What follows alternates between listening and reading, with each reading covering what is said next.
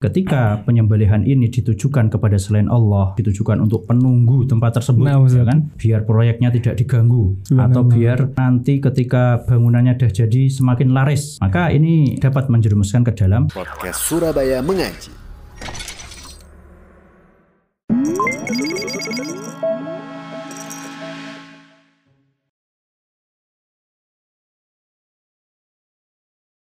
Bismillah, Assalamualaikum warahmatullahi wabarakatuh. Alhamdulillah, assalatu wassalamu ala rasulillah wa ala alihi wa ashabi ajmain nama ba'd. Alhamdulillah kita bertemu kembali di serial podcast Surabaya Mengaji yang insya Allah seperti biasa kita akan membahas seputar tema-tema menarik yang sedang hangat diperbincangkan. Alhamdulillah pada kesempatan kali ini kita kedatangan guru kita yakni Ustadzina Muhammad Azhari LCMA. Kita sapa dulu beliau. Assalamualaikum Ustadz. Waalaikumsalam warahmatullahi wabarakatuh. Bagaimana kabarnya Ustadz? Alhamdulillah sehat. Masya Allah, Masya Allah.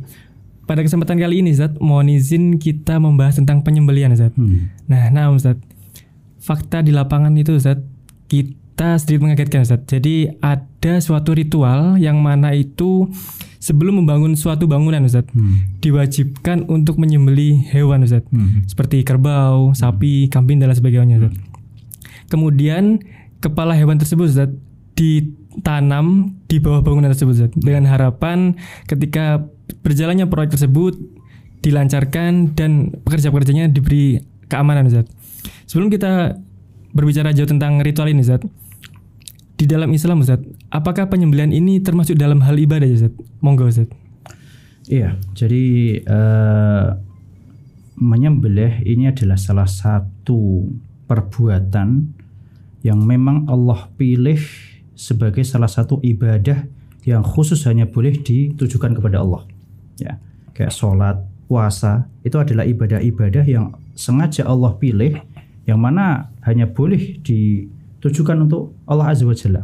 Ya, maka eh, dalam hal ini eh, menyembelih pun juga termasuk salah satu ibadah yang eh, Allah pilih sebagai suatu ibadah yang mana eh, tidak boleh bagi seorang muslim dalam rangka beribadah eh, penyembelihan ini ditujukan kepada selain Allah Azza wa Jalla.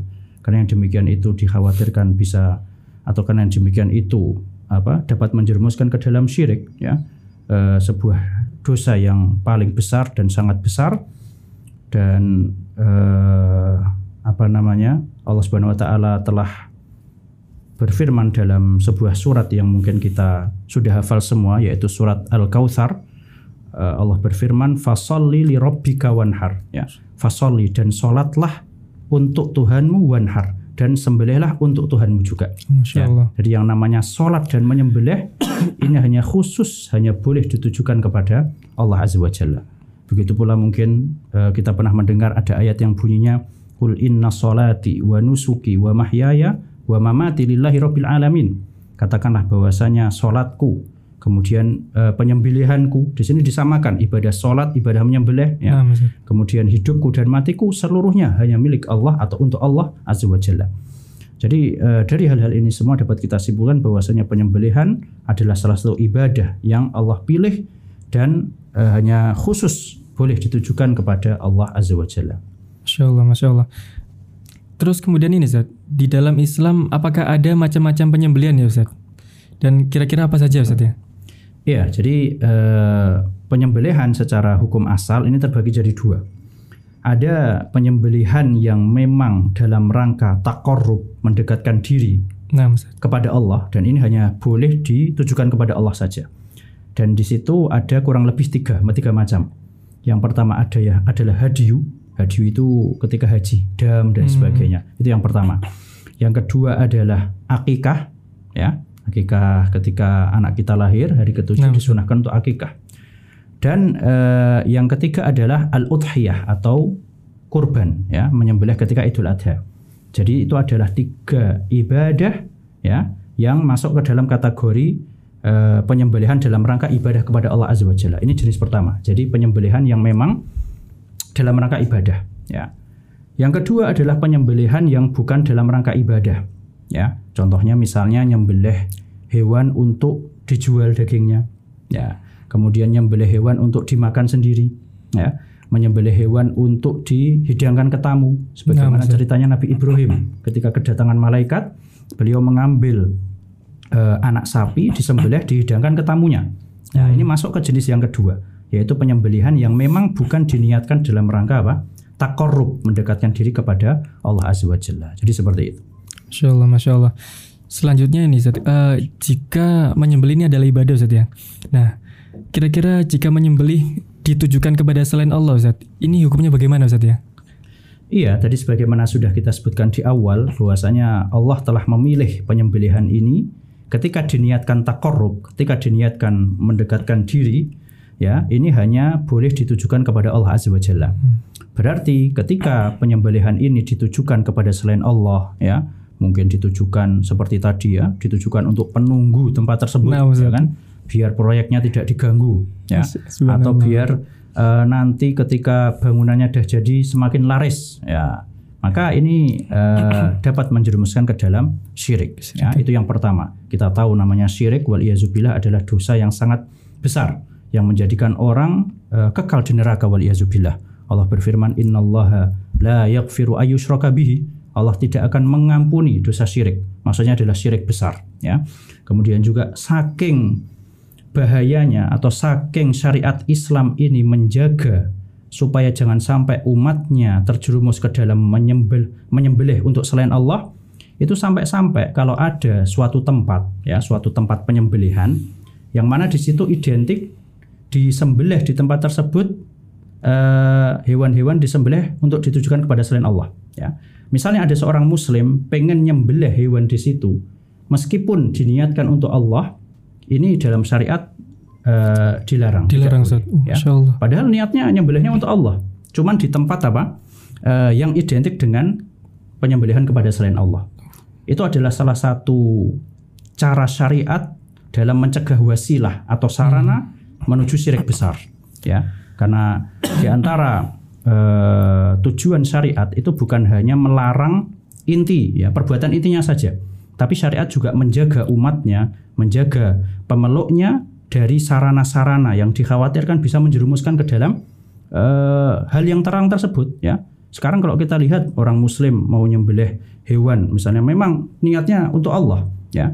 Tapi di tempat yang di situ identik eh, eh, apa banyak penyembelihan ditujukan kepada selain Allah. Mungkin pertama dia ya untuk Allah ya. Lama-lama mungkin dia, uh kenapa ya kok aku rasa nyaman kan Terpengaruh, ya ya? terpengaruh. Terpengaruh. sedikit banyak terpengaruh. Lama-lama waliyazubillah akhirnya menyembelih untuk selain Allah ya. Itu salah satu bukti bahwasanya syariat sangat menjaga dari sarana yang menyebabkan ke dalam eh, kesyirikan. Itu yang pertama. Jadi menyebabkan syirik. Yang kedua ini di antara ancaman menyembelih untuk selain Allah ini akan terkena laknat ya. Dan kita tahu yang namanya laknat ini adalah kemurkaan Allah dan itu adalah salah satu ciri dosa besar ya. Ciri dosa besar itu adalah di antaranya adalah apa? Eh, di antara ancamannya adalah laknatnya. Dalam sebuah hadis Rasulullah Shallallahu alaihi wasallam bersabda, "La'anallahu man dzabaha li ghairillah."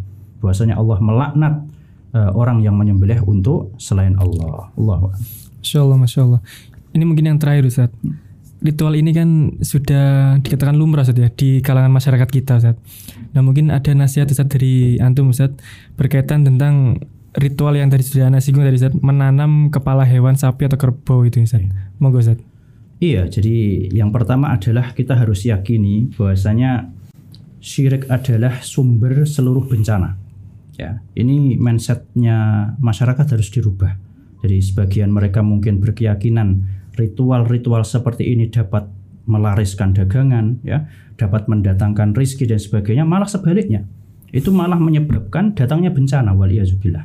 Ya, begitu pula sebaliknya tauhid, tauhid lawannya syirik kan seperti itu. Nah Ustaz. itu adalah sebab makmurnya suatu daerah ya. Eh, sebab eh, beruntungnya seseorang di dunia dan di akhirat ya. Di antara dalil yang menunjukkan akan hal itu sebagaimana Allah sebutkan dalam surat al eh, dalam surat an-nur ya. Dalam surat an-nur Allah berfirman wa'adallahu alladhina amanu minkum wa amilus salihati la yastakhlifannahum fil ardi kama stakhlafal ladzina min qablihim ya. Sungguh Allah berjanji kepada uh, wa'adallahu ladzina amanu minkum wa amilus solihati la yastakhlifannahum fil ardi kama stakhlafal ladzina min qablihim. Sungguh Allah berjanji kepada orang-orang yang beriman dan beramal soleh dari kalian wahai kaum muslimin mereka akan di eh, apa namanya diuntungkan jadi dijadikan pemimpin di muka bumi ini. Sebagaimana orang-orang sebelum kita jadi pemimpin ya wala yumakkinanna lahum dinahumul ladzir dan Allah akan jadikan agama mereka ini sebagai agama yang eh, mulia ya agama yang diridhoi oleh Allah. Maksudnya Islam ini akan berjaya di muka bumi ini ya. Kemudian wala yubaddilannahum min ba'di khaufihim amna. Allah pun akan mengganti ketakutan yang terjadi di sebagian kaum muslimin dengan rasa aman Ya, jadi syarat kalau kita pengen umat Islam berjaya di muka bumi ini, kemudian Allah jadikan agama Islam agama yang mulia yang tinggi, kemudian ke, ketakutan kaum muslimin di dunia ini menjadi keamanan. Syaratnya apa? Allah sebutkan di akhir ayat, ya budunani la yusriku nabi syai'a, yaitu mereka hanya menyembahku dan tidak melakukan syirik kepadaku. Ya, jadi eh, salah ketika orang berkeyakinan perbuatan ini dapat melariskan rezeki eh, menyembelih ditujukan kepada jin ini dapat eh, menjaga keamanan dan sebagainya. Salah. Malah sebaliknya itu menyebabkan kehancuran ya. Dan kalau kita perhatikan dalam surat al-jin ya dalam surat al-jin itu Allah menceritakan bagaimana para jin ini eh, menceritakan kelakuan sebagian manusia ya. Di situ disebutkan wa annahu kana rijalum minal insi ya'udzuna birijalin minal jinni fazaduhum rohaqa. Uh, para jin ini bercerita bercerita wa annahu kana rijalum minal insi. Di sana ada sebagian kelompok dari manusia ya'udzuna birijalin minal jin minta perlindungan ke jin. Nah ini kan mirip nyembelih biar nggak diganggu sama penunggunya kan gitu ya. Jadi sebagian manusia sebagian laki-laki dari kalangan manusia ada yang minta perlindungan kepada laki-laki dari kalangan jin. Apa yang terjadi? Apa buahnya? Fazaduhum rohako malah jin tersebut semakin membuat takut orang-orang tersebut ya. Jadi bukan malah e, dijadikan aman dilindungi tapi malah semakin diteror ya. Malah semakin e, diganggu ya. Jadi eh, itu menunjukkan bahwasanya perbuatan sepertinya adalah perbuatan yang tidak baik. Kemudian mungkin yang terakhir, poin terakhir, ketika seorang manusia yang telah Allah beri akal sehat dan dia bisa berpikir dengan baik mana yang baik dan mana yang buruk, ketika orang tersebut menuruti eh, apa namanya ajaran-ajaran seperti ini, perbuatan seperti ini, nyembelih ini, menanam kepala, lama-lama orang seperti ini akan semakin nggak benar, akan semakin hmm. nyeleneh Ya, coba perhatikan. Mungkin pertama disuruh nanam kepala sapinya tok ya. Nah, Nanti lama-lama jinnya ngasih tahu tanam sapi-sapinya kan seperti itu. Akbar. Satu ekor dulu pertama ya. Nah, lama-lama dua ekor, tiga ekor. Nanti suruh nanam yang lainnya. Jadi hmm. semakin seseorang terbuai, semakin seseorang tenggelam dalam kesyirikan dan kekhurafatan, ini akan semakin jauh akalnya. Dia akan semakin melakukan hal-hal yang nggak masuk akal seperti itu. Wallahu a'lam. Masya Allah, Masya Allah. Syukran jazakallah khairan atas pemaparannya. Nah, teman-teman sekalian, kita akhiri serial podcast hari ini. Semoga bisa mendapatkan manfaat dari yang beliau jelaskan. Dan kami informasikan ke teman-teman sekalian untuk bisa menyaksikan episode podcast yang sebelumnya dan yang akan datang insya Allah. Syukran jazakumullah khairan. Barakallahu fikum. Wassalamualaikum warahmatullahi wabarakatuh.